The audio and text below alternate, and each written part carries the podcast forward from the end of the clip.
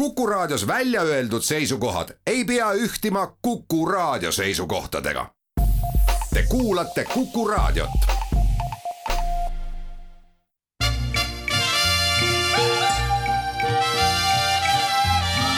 välismääraja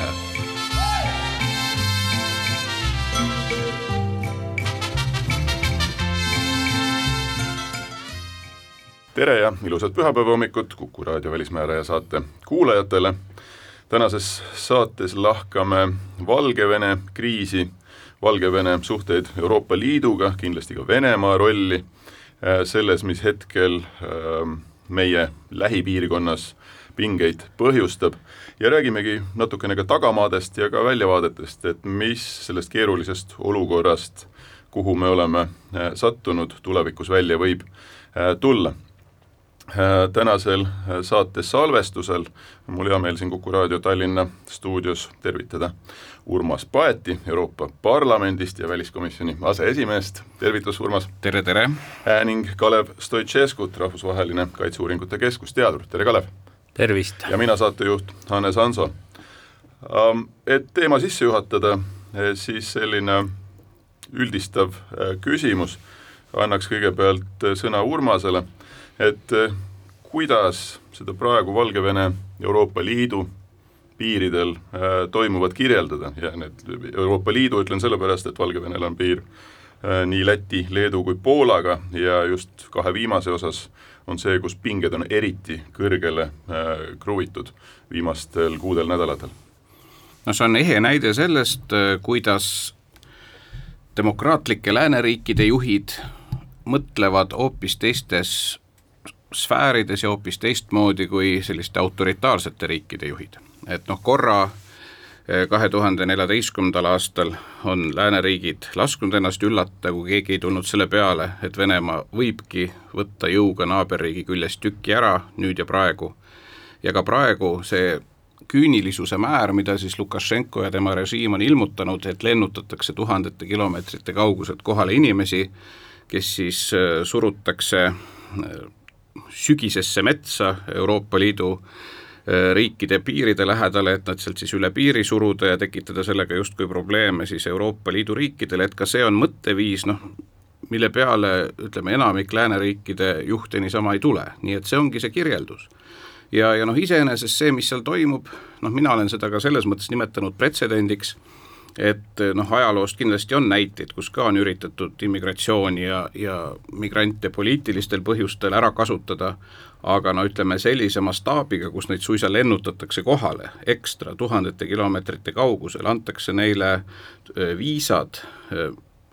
ja, ja et siis e-, ainukese eesmärgina, et kiusata nii-öelda oma naabreid, et noh, sellises mastaabis asja ma küll ajaloost ei mäleta, et noh, on jah, ütleme, et siin on Põhja-Aafrikast näiteid ja võib öelda teatud määral ka Türgi puhul, kus noh, inimesed on nii-öelda rännanud mööda maad ise kohale. aga see, et ekstra neid tuuakse, noh, sellist asja mina ei tea, et oleks varem olnud, mis tähendab, et see on ka selline ohtlik pretsedent ikkagi nagu laiemas plaanis, et kui see ei saa ikkagi võimalikult selget hukkamõistu ka laias rahvusvahelises plaanis, noh siis ei ole ju mingit garantiid, et ükskõik kus maailmas mõni teine diktaator ei võta sellest õppust ja ei hakka samamoodi nende õnnetute inimestega äh, manipuleerima, neid, neile valetama ja noh, lõpuks kõige suuremad kannatajad ju tegelikult on needsamad inimesed ise, kes sinna kohale lennutatakse uh,. Kalev uh kui me proovime vaadata korraks äh, siis Valgevene de facto riigipea Lukašenka äh, pähe, et mida sinu hinnangul ta võib antud äh, pingeid tekitades ja see, mida Urmas just kirjeldas, nii-öelda nagu inimesi ette vedada lihtsalt, ette vedades või soodustades ja, ja mahitades ja, ja seda võimaldades, mida ta võib soovida üldsegi saavutada? ma ei tea, kas küsimuse püstitus on tegelikult päris äh, õige, me keskendume liiga palju Valgevenele ja Lukašenkale ja tema režiimile ja ja Venemaa ja president Putin jäävad nagu tahaplaanile. sellest me jõuame kõigest veel me äh, jõuame rääkida, rääkida, aga tegelikult see on ka alguspunkt selles mõttes, et igasugused arutelud ja nii-öelda argumendid et siin Lukašenko on võib-olla hulluks läinud, kuigi keegi ei tea, mis tal peas toimub ja ta tegutseb iseseisvalt, need, need arutelud on täiesti küündimatud, kui me vaatame, mis tegelikult toimub, alates siis sellest äh, liitriigi integratsioonist Venemaaga, mis nüüd Zaapadi ajal leidis aset ja, ja siis kaks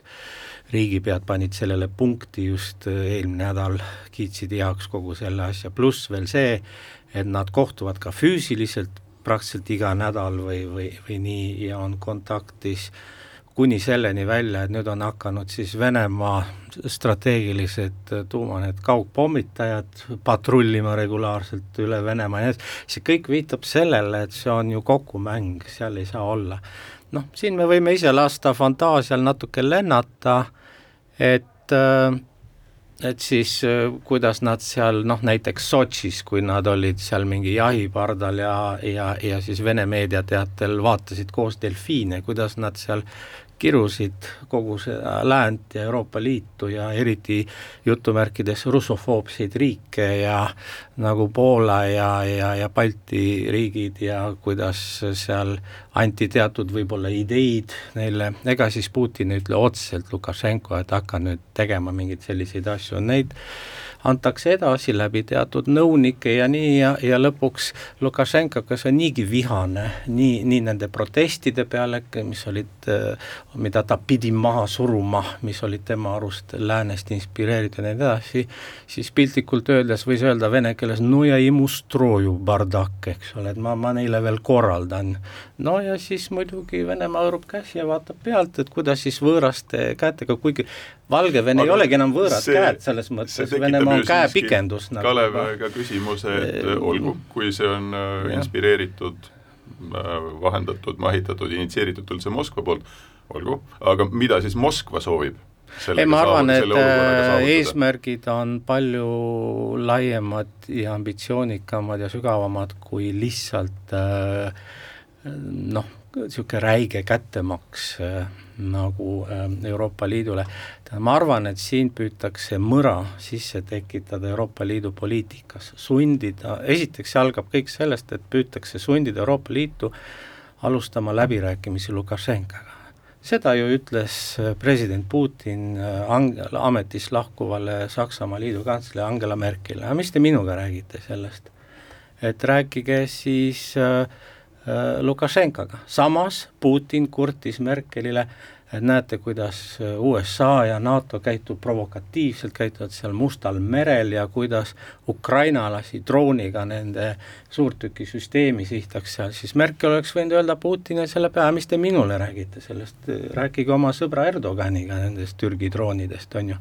ja, ja nii edasi, aga noh, meie nagu püüame kommunikeerida nendega ja olla inimlikud ja kõike muud, aga me ei näe seda teiselt poolt tegelikult on muidugi veel kolmas pool, et ega ka neid äh,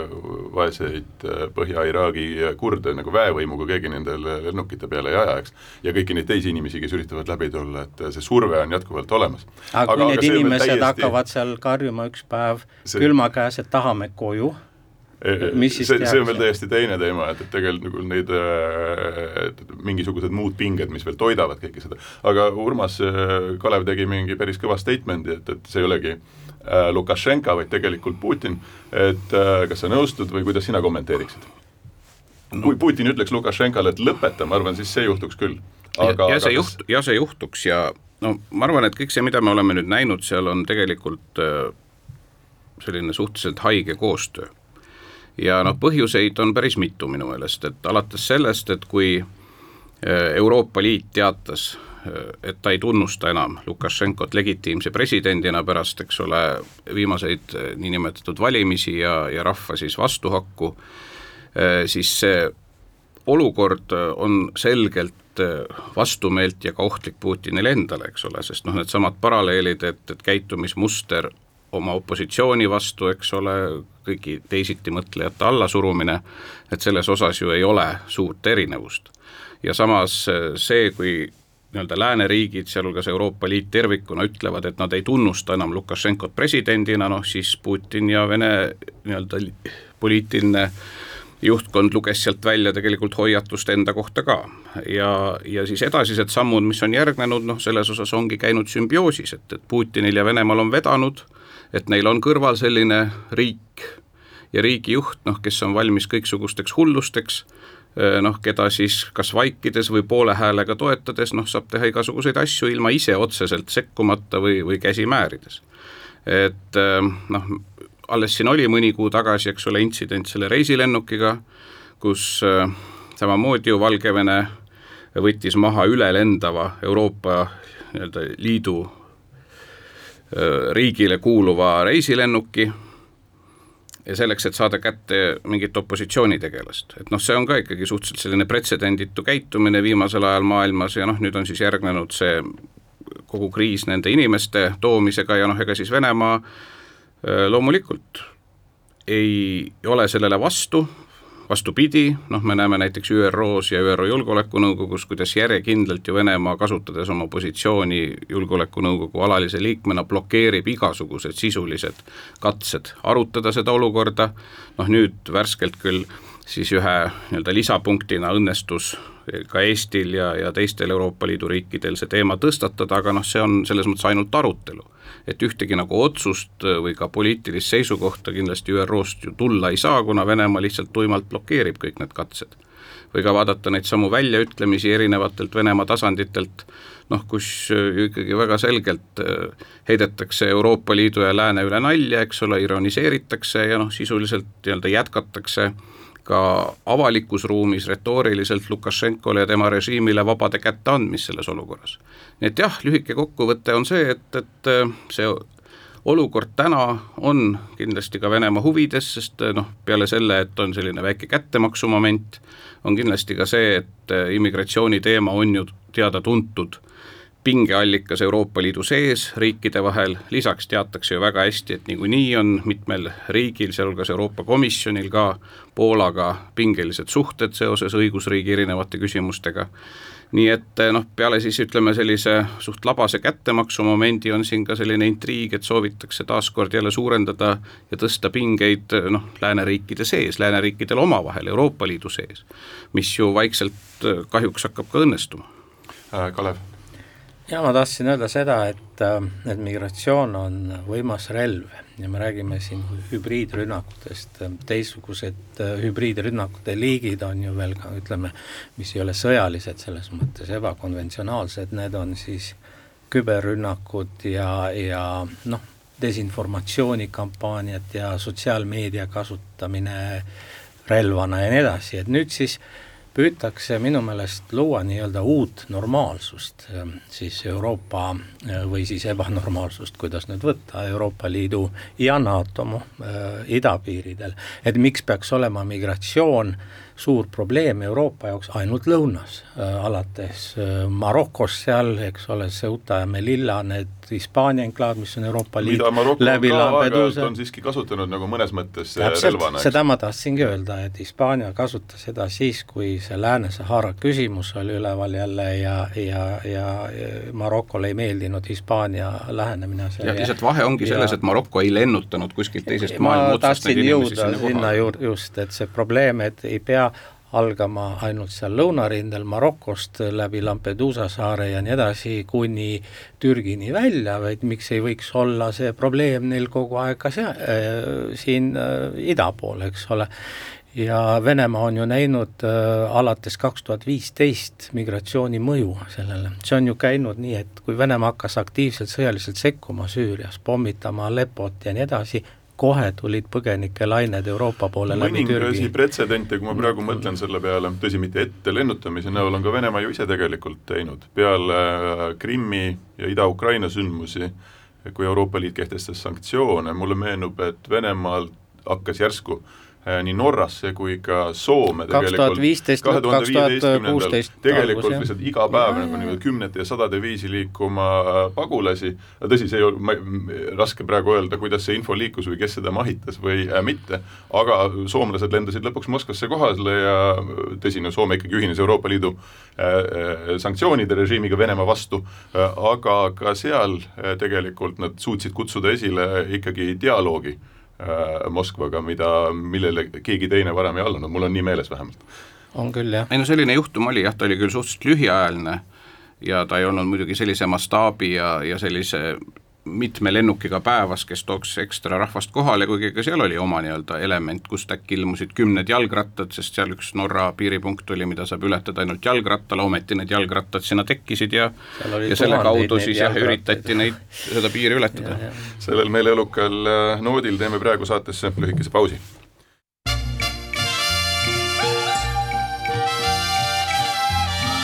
välismääraja.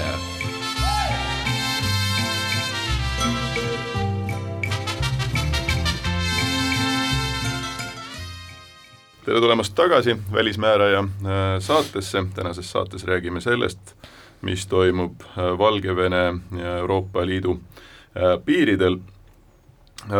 Järgmine küsimus võikski olla, et need pinged on siin nüüd mõned kuud üha karmimaks kruvinud et kuhu neid pingeid siis näiteks kas Venemaa või Valgevene poolt vaadates annaks veel kruvida või kas see nii-öelda jätkuv eskalatsioon võiks veel tuua siis mingisuguseid soovitud punkte just, äh, just kas Valgevenele või ka siis äh, Moskvale, noh näiteks on ka mööduval nädalal äh, järjekordselt väga ärritunud ja pahane äh, Lukašenka äh, rääkinud sellest, et äh, talv tuleb ja läbi äh, meie territooriumi liigub ja maal Euroopa gaasijuhe, et, et äh, kui Euroopa Liit täiendavaid sanktsioone või karistusmeetmeid Valgevene suunal rakendab, et siis nad võivad selle liikluse näiteks kinni keerata, aga muidugi on ka teisi veel variante, et me võib-olla Urmas, kõigepealt ütled sina mõned sõnad ja Kalev täiendab. no kõigepealt muidugi nähes, kui palju ärevust on tekitanud see migratsiooniteema, eh, noh siis kindlasti see ei ole ka läbi, et seda kahjuks ma arvan, nii Venemaa siis koos Valgevenega üritab jätkuvalt pedaalida nii kaua, kuni, kuni annab. ja su-, eks seal soovitakse, ma arvan, lühikeses perspektiivis muuta kahte paradigmat. esiteks, et äh, kui neid näidatakse järjest rohkem ka nende inimeste kannatusi seal Valgevene metsades, külmetavaid lapsi ja naisi ja kõiki ja noh, me kõik teame, eks ole, et telepilt on võimas relv, et, et kui seal ikkagi nähakse, maailm näeb neid hädas olevaid inimesi, et siis äh, on suur risk, et, et väga ruttu äh, nii-öelda keerab selle probleemi teravik mitte niivõrd selle Lukašenko või, või Venemaa vastu, vaid just nimelt Poola ja, ja Euroopa Liidu vastu. just, no kes, selliseid pingutusi me juba näeme tegelikult. seda me näeme ja noh, kui ma ka meenutan siin mõne päeva tagust debatti Euroopa Parlamendis, siis ka Euroopas endas on nii poliitilisi jõude kui sealsamas saadikuid Euroopa Parlamendis ja mitte vähe, kes kes ütlevad, et neid ainult huvitavadki, nend-, neid huvitabki selline inimeste olukord. Ja Euroopa Liidul ei ole mingi küsimus need inimesed vastu võtta, neid aidata ja, ja miks me seda ei tee. Ehk eh, noh, seesama, et, et tekitada Euroopas endas sees pingeid, siis nende vahel, kes vaatavad ainult seda konkreetset olukorda seal piiri peal ja siis nende vahel noh, kes näevad nagu laiemat ja suuremat probleemi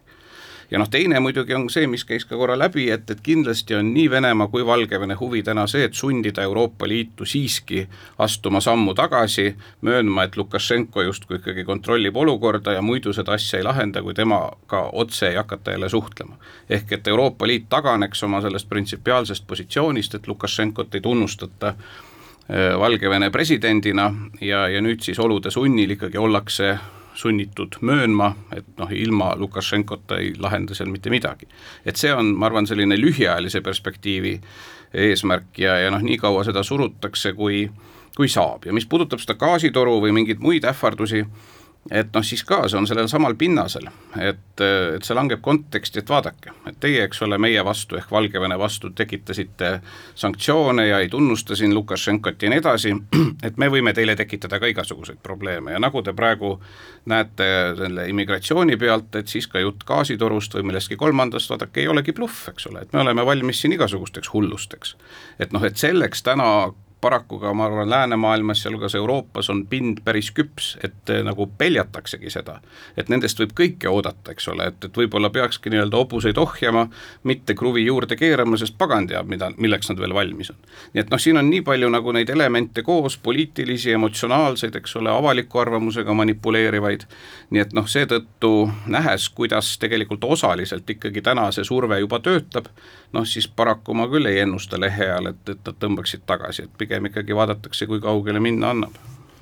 Äh, Kalev, ennem kui sa jätkad, et see gaasi teema on selles mõttes huvitav, et võib ka olla mõnes mõttes Venemaa huvides, et, et Nord Stream kaks,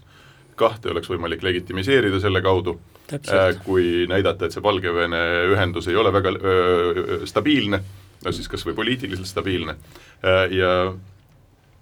et tekitada siis Euroopas seda nagu esile kutsuda, Vene gaasi vajadus veelgi akuutsemalt, kui see muidu võiks äh, olla, ent no. kui, kui Valgevene äh, siis Lukašenka ütleme, ähvardused peaks realiseeruma muidugi, siis jääb ka Venemaal esialgu päris suur hulk sissetulekut jällegi saamata, sest gaas on lõpuks ju Vene oma ja kui see edasi ei liigu turule, siis, siis see võib tekitada Venemaale teistsuguse probleemi. no point on selle, jah, just, et selline, ega siis Lukašenka ei keera oma gaasi kinni, see on see küsimus, ta keerab ju Vene gaasi. aga ta keerab selle kinni ainult siis, kui Venemaaga on see kokku lepitud, nii et jällegi me jõuame selleni, et tandem on mängus. Need on muidugi, Lukašenko praktiliselt otse öelnud seda välja, et Austria pakkus mingit vahendust ja midagi seal ja ja, ja et nad ei, ta ei ole huvitatud praeguses olukorras, mis tähendab seda, et ilmselt eskaleerib investeerimine jätkub.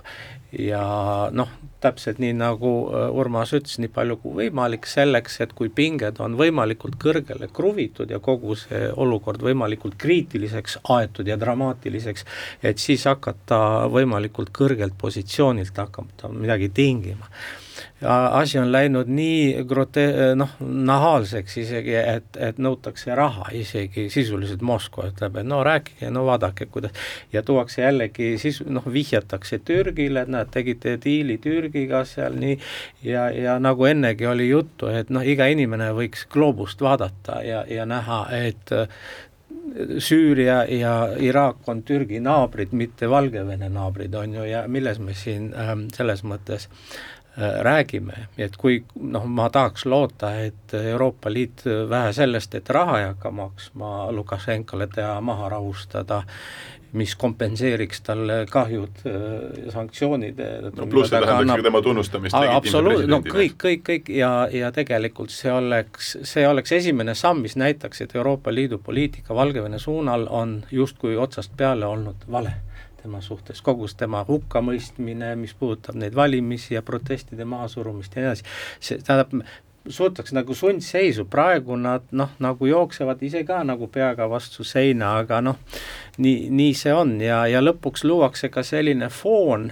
et äh, Euroopa on ju sisuliselt nagu noh, sõltub Moskvast, et et näete, nüüd tuleb külm talv ja gaas ja tahate rahu saada oma piiridel, jälle peame Moskva poole pöörduma ja rohkem ja rohkem no tekitakse neid probleeme. Merkeli Putini kõne natuke seda näitaski, et see ongi, kus Putin tahab olla, et, et Saksa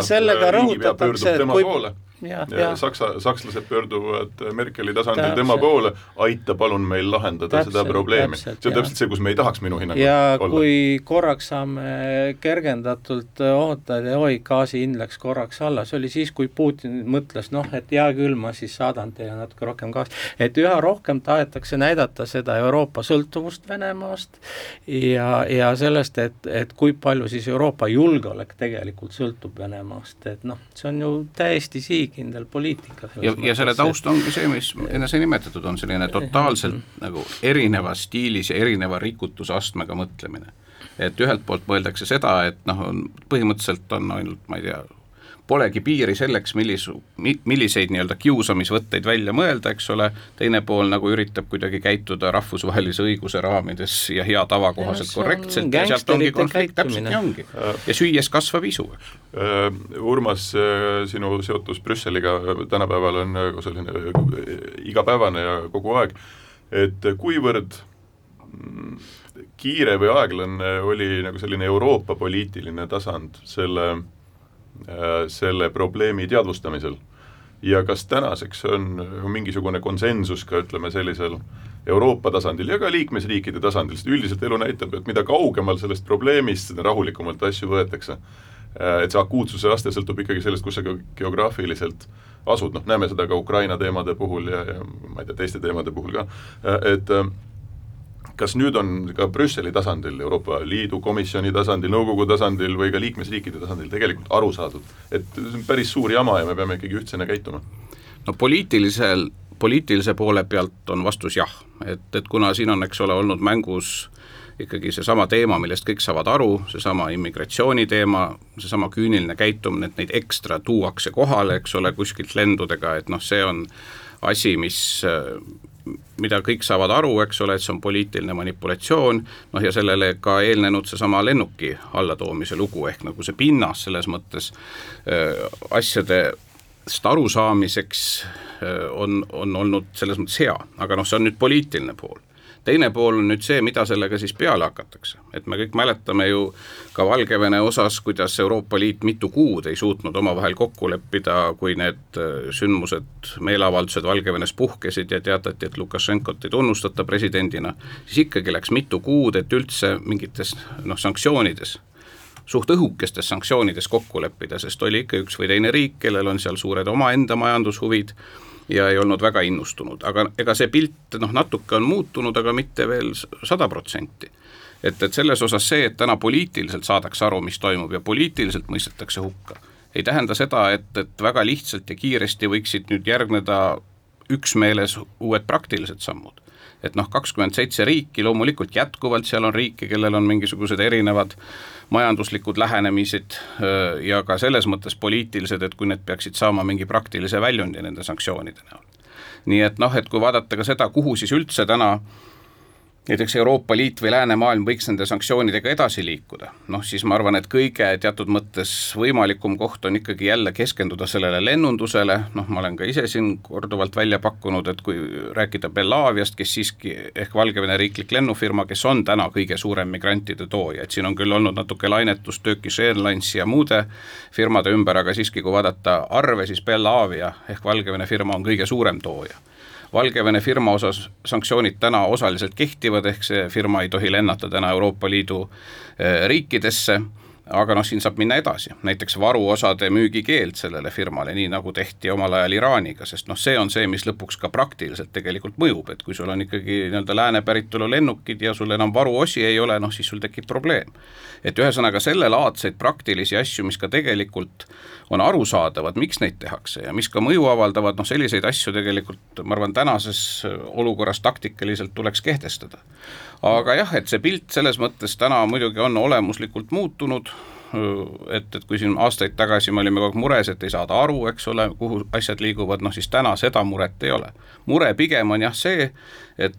seoses sellega, et, et Poolaga on need, need õigusriigi probleemid,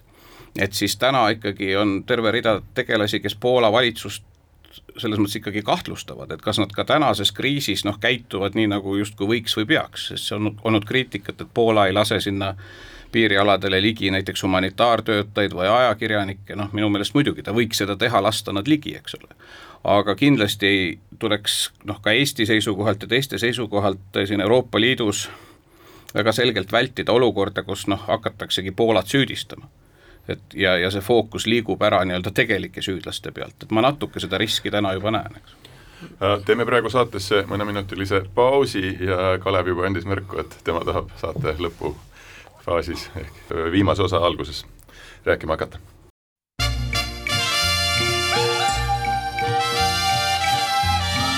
välismääraja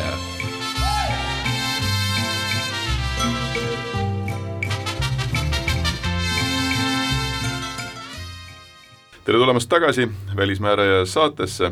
Valgevene on täna äh, teemaks, stuudios Urmas äh, Paet ja Kalev Stoicescu. Äh, Kalev, ma pidin katkestama sinu soovi rääkida, nüüd on sul võimalus, palun jätka. aitäh, ma tegelikult jätkaks kõigepealt sealt, kus või sellest, millest Urmas rääkis mis puudutab Poola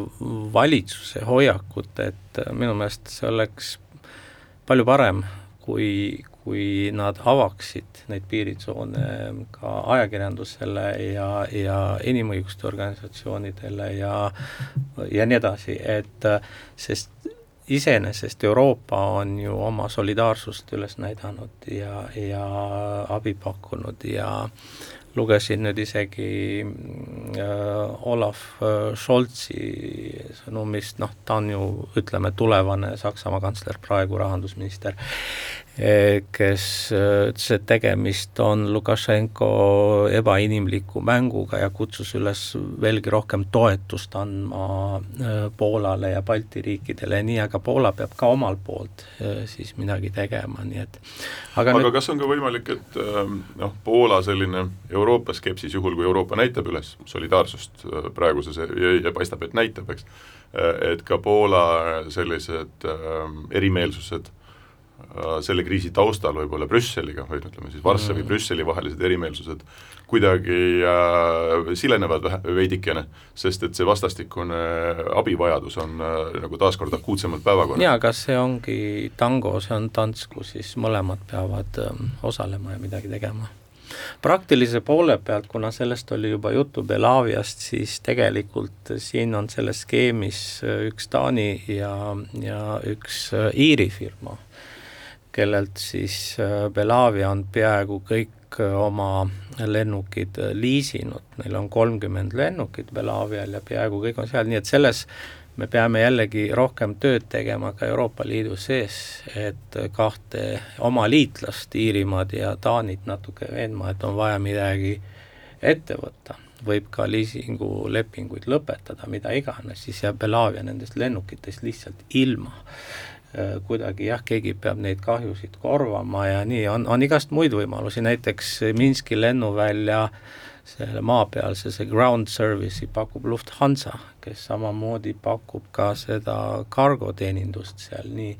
Saksamaa mõtleb, et võib ka selle ära lõpetada, et siis kärutagu ise oma neid asju seal lennuväljal, kuidas saavad, nii et on igasuguseid meetmeid kuni Iraagi valitsuseni välja. Nüüd... Uh, Iraagi valitsus üks, aga uh, mul juba sõrm püsti järgmise küsimusega, et uh, tahaks täiendada seda, et väga tähtis osapool, komponent kõiges selles on Türgi et ikkagi valdav osa, Turkish Airlinesil on samuti ju ma ei tea, kümneid lende nädalas äh, Minskisse ja valdav osa nendest inimestest, väga suur osa no, tuleb ka Türgi... ikkagi Istanbulist läheb lennuki peale. Äh, et, et no... millised on Euroopa Liidu äh, täna nagu, milline on jõuõlg no, ütleme no. Türgiga rääkimisel, need suhted on olnud pikalt keerulised, aga siiski nagu aeg-ajalt ikkagi ka konstruktiivsed no siin jah, et Turkish Airlines on küll väga kõvasti seotud muidugi Türgi riigiga, aga, aga ta on ise siiski ka ikkagi väga oluline ja globaalne tegija, mis tähendab seda, et eks nad oma riske kogu aeg ka hindavad.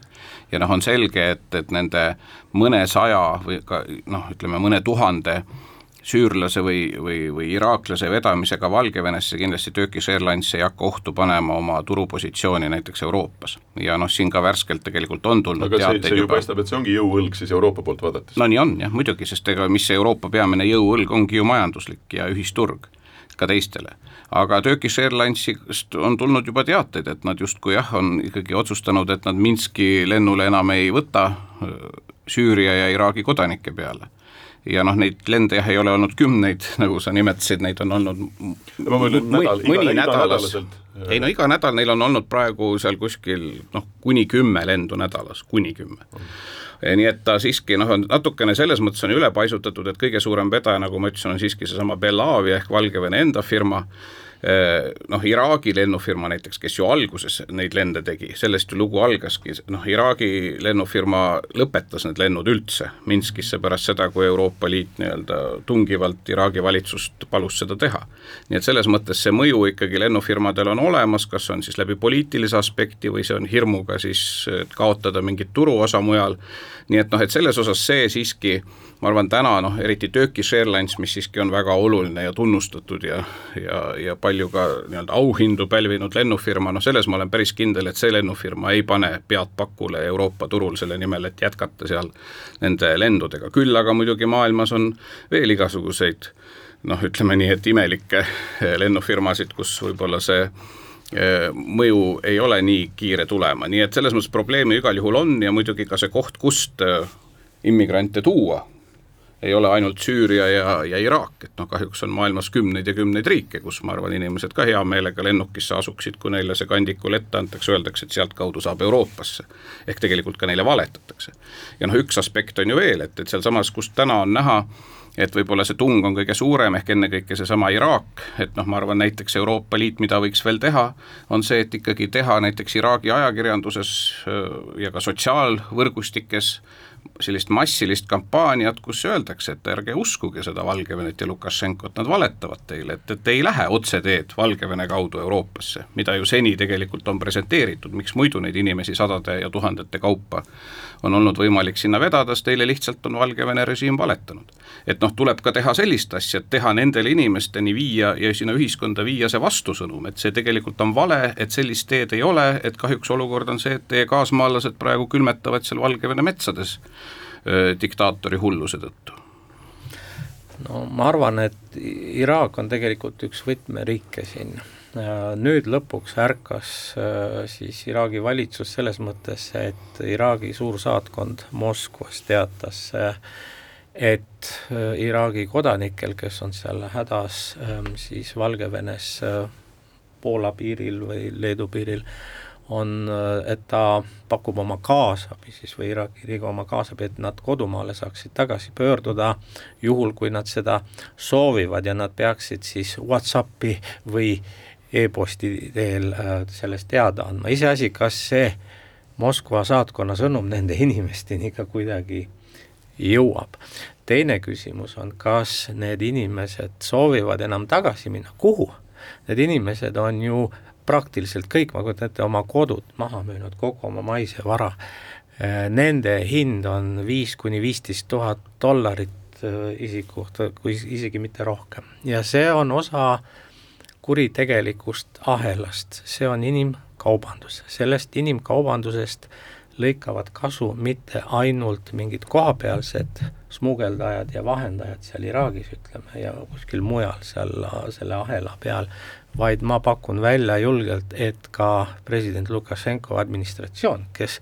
nende nii-öelda turismiteenuste eest äh, küsib raha ja kes majutab neid ka nii-öelda teatud hotellides seal enne, kui nad sinna piirile karjatatakse, ütleme niimoodi kahjuks, ja transporditeenused, nii et selles mõttes ju Lukašenka režiim on suures rahahädas ja ma kujutan ette, kuidas Lukašenkal on üha rohkem piinlik, kui tal üldse selline piinlikkus olemas on, kogu aeg müts peos minna Moskvasse raha kerjama Putini käest. ja tal on hea võimalus äh, ka natukene raha teenida, mis teeb kogu selle afääri veelgi grotesksemaks, ütleme niimoodi. nüüd on kaks momenti, tegelikult ma tahaks tuua veel äh, kiirelt, et esiteks, äh, Iraagi valitsus peaks meiega ühinema ÜRO-s ja ütleme, vot need on meie kodanikud, mis iganes, nad ei saa neid takistada kodumaalt lahkumast, aga ta seisab nende eest ja nii noh, ma ei tea, kas Iraak on valmis vastuollu minema Venemaaga või mitte ja, ja teine variant on see ka, et meie lääne poolt peaksime tõstatama juba küsimuse sellest, et et kui Lukašenkot äh, Haagi kriminaalkohtusse ei antud peale seda, kui ta omaenda rahvast arreteeris, piinas, tappis ja sundis eksiili ja nii edasi, siis nüüd on viimane võimalus seda teha ükskord mina ei näe siin erinevust Miloševitši ja, ja Lukašenko vahel ja kui Miloševitši puhul seda tehti, ja isegi kui teda nüüd kätte ei saa ja sinna ei vii, siis Miloševitšiga oli sama lugu alguses, aga lõpuks ta jõudis Haagi, nii et vot sellised mõtted praegu. Äh, üsnagi äh, kuidagi sarkastiliselt mõjub ja nagu see Moskva tõlgendus asjadele ongi sagedasti maailma, maailmakäsitluses nagu lihtsalt selline nagu loed ja mõtled vau! Aga jäi silma, et nii äh, Vene välisminister Lavrov, kellega nüüd sina, Urmasel, on mitu korda elus, mitmeid kordi elus äh, kohtunud ja ka isegi mitu korda allkirju pannud lepingutel. no mõlemad korrad mõlemad korrad, samuti ka näiteks Vene miidi kõneisik Zahharova ja teised on nüüd väga parastavas toonis nagu väitnud, et aga Lääs on ju ise kõiges süüdi, et, et ise te käisite, käite mööda maailmat ja räägite, et meil on kõik kõige parem, muidugi need inimesed tahavad ju sinna teele tulla, et las nad siis tulevad, et nüüd laske nad sisse ka, eks, et mm, kuidas see nagu oma poliitilise kogemuse pealt sa selliseid lauseid lahti tõlgiksid, et, et äh, mida nad siis nagu öelda tahavad või, või millel sellised argumendid põhinevad, kui adekvaatsed need meie poolt vaadates jällegi on? noh, ma arvan, et viga tehaksegi sellega, kui neid ütlemisi, seda ülbitsemist ja ironiseerimist hakatakse tõsimeeli analüüsima. Ma arvan, et sellesse lõksu ei peaks astuma, sest seal ei ole midagi analüüsida, nend-, vähemalt nendes ütlustes, mida sa refereerisid, et see ongi lihtsalt selline ülbitsev retoorika, näidata, kuidas meie oleme siin nii-öelda kõvad mehed, eks ole, te olete seal kõik naiivsed lollikesed. Te olete ja, läbi aegade kõigest valesti aru saanud. et, et selles mõttes, et noh, siin ei ole midagi nagu analüüsida, et see, see on üks jälle järjekordne nagu näide ja väljund paraku palju tõsisemastest, tõsisemast asjast muidugi ja see ongi see, et noh, inimelud ei ole mingi väärtus et noh, tegelikult ju seesama aktsioon, kus eesmärk on justkui kiusata, eks ole, Euroopa Liitu, üritada neid seal omavahel tülli ajada või siis midagi tõestada, noh, veel kord, kannatajad on ju tegelikult need tuhanded inimesed, kes sealt Iraagist on kohale lennutatud ja kes praegu seal vaevlevad seal külmas Valgevene metsas. ja noh, nende inimeste elud ei lähe ju ei Lukašenkole ega tema režiimile ega Venemaa juhtkonnale ju karva eest korda. sest miski ei keelaks täna isegi kui see olukord on seal, kus ta on, miski ei keelaks Valgevene riigil anda nendele inimestele, kes on, kelle ta on sinna metsa ajanud, humanitaarabi seal metsas. Anda neile tekke, anda neile, ma ei tea, telke, mida iganes, et okei okay,, nad ei ole poliitiliselt valmis olukorda lahendama, aga inimlikult nad võiksid neid inimesi siiski seal nagu külmas metsas aidata, mida nad ei tee, eks ole ehk, ehk ka selline ülbitsemine ja ironiseerimine rahvusvahelisel tasandil on lihtsalt järjekordne ülimalt küüniline näide sellest, kuidas noh, inimelu sellistele režiimidele ei maksa mitte midagi ähm,. küsin, saate lõpuni pole enam palju jäänud aga Eestil, ma ei tea, praeguses olukorras tundub siis tänu taevale, Valgevenega piiri ei ole, küll aga on meil ju piir Venemaaga, e, et ähm, kuivõrd me peaksime muretsema, et, et äh, Venemaa lubab ka teatud hulga näiteks äh, migrante äh, läbi Vene territooriumi ja rõõmsalt suunavad nad kuskil Pihkva poolt siis ka meie piiridele, näitavad suuna ette, et vot seal on see õnnelik Äh, Euroopa Liit, et kuhu te kõik minna tahate. Äh, et kas see on mingi teema, mille üle me millest me piisavalt ei räägi või vastupidi, sellest rääkimine oleks tegelikult halb mõte? isegi kui me praegu veel ei pea seda tõenäoliseks, sest Venemaa paljastaks täiega oma osalust selles afääris, mida ta veel eitab, ütleme, siis kui nad hakkaksid tulema ka läbi Pihkva meie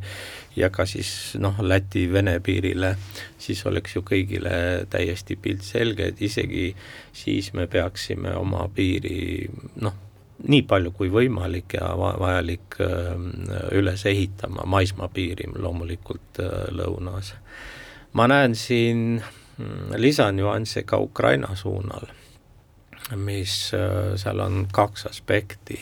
sest ka Ukraina on hakanud oma piiri tugevdama Valgevenega, sest loomulikult need inimesed tahavad Saksamaale saada ja Soome, nagu neid on küsitletud, aga aga neid võidakse suunata ka Ukrainale, võib-olla destabiliseerida ka olukorda seal Valgevene ja Ukraina piiril. ja, ja üleüldse, I mean, mõtted võivad lennata ka nii kaugele, et see on võib-olla osa Zapad kaks tuhat kakskümmend üks stsenaariumist, mida me ei tea lihtsalt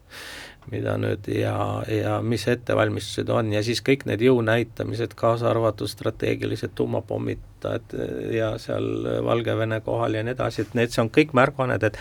probleem on olemas, kui me nüüd võtame midagi ette Ukraina suunal, siis vaadake ette, ärge isegi mõelge Ukraina toetamisele, meil juba niigi on seal suur probleem. no lisaks on sada muud nüanssi, kuidas siis Putin naudib seda, kuidas Lukašenko ruineerib äh, lõpuni Valgevene imidži läänes, noh, ta on, ta on, paarjastub nagu noh, sisuliselt ja keegi ei taha, ma ei tea, aastaid ja aastaid edaspidi on seal Lukašenkot või ei ole enam Lukašenkot, sellest Valgevenest kuuldagi edaspidi.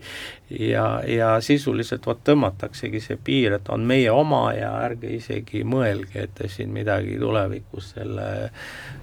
nii et ja ma näen seal ka sellist momenti, et võib-olla Lukašenkole endal on mingisugune noh, uut tüüpi mingi paranoia, sest nüüd ta on selle musta töö ära teinud, selle integratsiooniga nii, aga neil ei ole tegelikult see suhe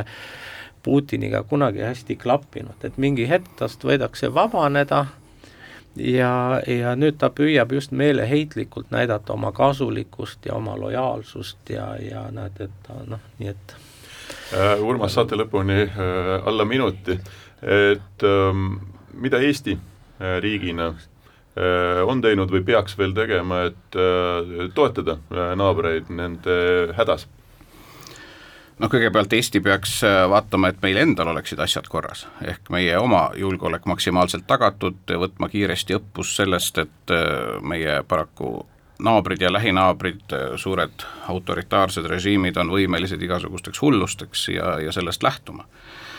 Noh, mida teha, kogu aeg tuleb ikkagi muidugi otsida liitlasi ka Euroopa Liidu sees, ka NATO sees, et oleks väga selge poliitiline tugi täna neile, kes on otseselt surve all, Poola, Leedu, noh Läti mingil määral, ja mitte lasta nihutada seda fookust sinna, kus ma natuke pelgan, on see, et hakatakse mingi hetk süüdistama Poolat, et ta ei käitu piisavalt humaanselt. Et tegelikult ei tohi lasta nihkuda ära fookus sellest, kus on tegelik probleem. Ja üks asi veel, millele muidugi me kõik peame tähelepanu vaatama, et maailmas kipuvad olema asjad nii, et paralleelselt juhtub mitu asja ja siis üks kaob teise varju. et äh, Kalev nimetas siin Vene vägede koondumist Ukraina piiride lähedale, me teame, et kasvavad pinged Taiwan'i ümber Hiina poolt, eks ole, ehk tegelikult tuleb panna need asjad ka konteksti, et ei juhtuks jälle olukorda, kus mingi suurema probleemi varjus mingid siis äh, nii-öelda natuke vanemad mured äh, kipuvad äh, fookusest kaduma ja tagajärjed on päris kehvad. See on kõik, milleks meil tänases saates aega oli, suur tänu, Urmas Paet ja Kalev Stoicescu, mina saatejuht Hannes Hanso ning tund vähem kui nädala pärast arvatavasti uute teemadega siin Välismääraja saates, ilusat pühapäeva jätku kõikidele raadiokuulajatele!